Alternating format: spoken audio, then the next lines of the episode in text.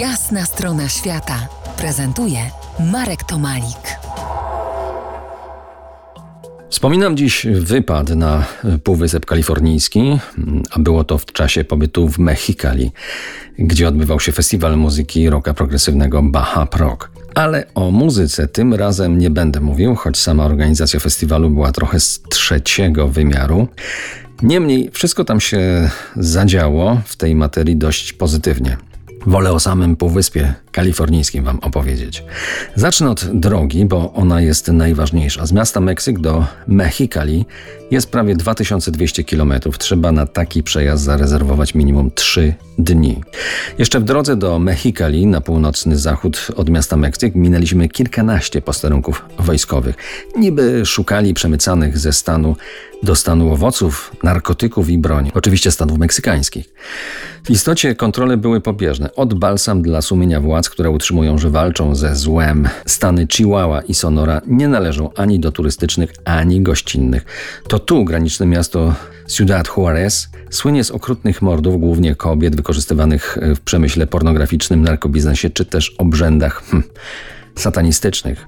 Niemniej surrealistyczny krajobraz pustyni Sonora i altar z niezliczoną ilością kaktusów pasował do klimatu naszej podróży. W północnej części tejże podróży to były same pustkowia z kaktusami, znanymi z amerykańskich filmów i nieznanymi z tych filmów. Wszak Meksyk to stolica kaktusów wszelakiej maści. Ponad 70% kaktusów mieszka właśnie tu, w Meksyku. Po koncertach ze strony świeżo zapoznanego fana muzyki progresywnej i sportowca nauczyciela akademickiego, konkretnie anglisty, pojawiła się propozycja.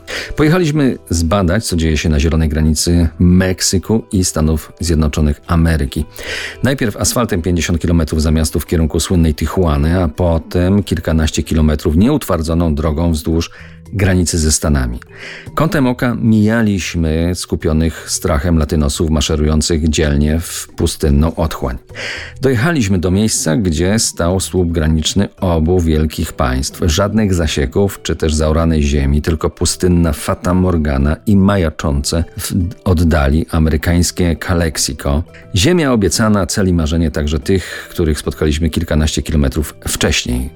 W odległości wzroku dostrzegliśmy schwytane na gorącym uczynku. Towarzyszyły im dwa samochody amerykańskiej Straży Granicznej. Teleobiektyw jeszcze precyzyjniej odebrał to zdarzenie. Aby strzelić lepsze zdjęcie, przeszedłem na stronę amerykańską, może około 100 metrów od granicy w głąb y, USA. Byłem na szczycie niewielkiego wzgórza, stąd jak na dłoni widziałem wszystko dookoła w promieniu kilku kilometrów. W tym samym momencie usłyszałem trzask spuszczonej przeze mnie migawki i o dziwo ryk silnika. I to i to nie była Fata Morgana. W moim kierunku, jakby z ziemi, sunął terenowy border patrol. Adrenalina napiła mocniej mięśnie i ostatnim rzutem na taśmę wpadłem na stronę meksykańską. Tuż za mną, w ostrym wirażu, zabuksowały opony Amerykanów. Wszystko działo się bardzo szybko i bardzo blisko. Serce waliło jak młot udarowy przez całą drogę powrotną do hotelu. Skąd oni się wzięli? Na to pytanie nie potrafię do dziś sobie odpowiedzieć. To jest jasna strona świata w RMS Classic.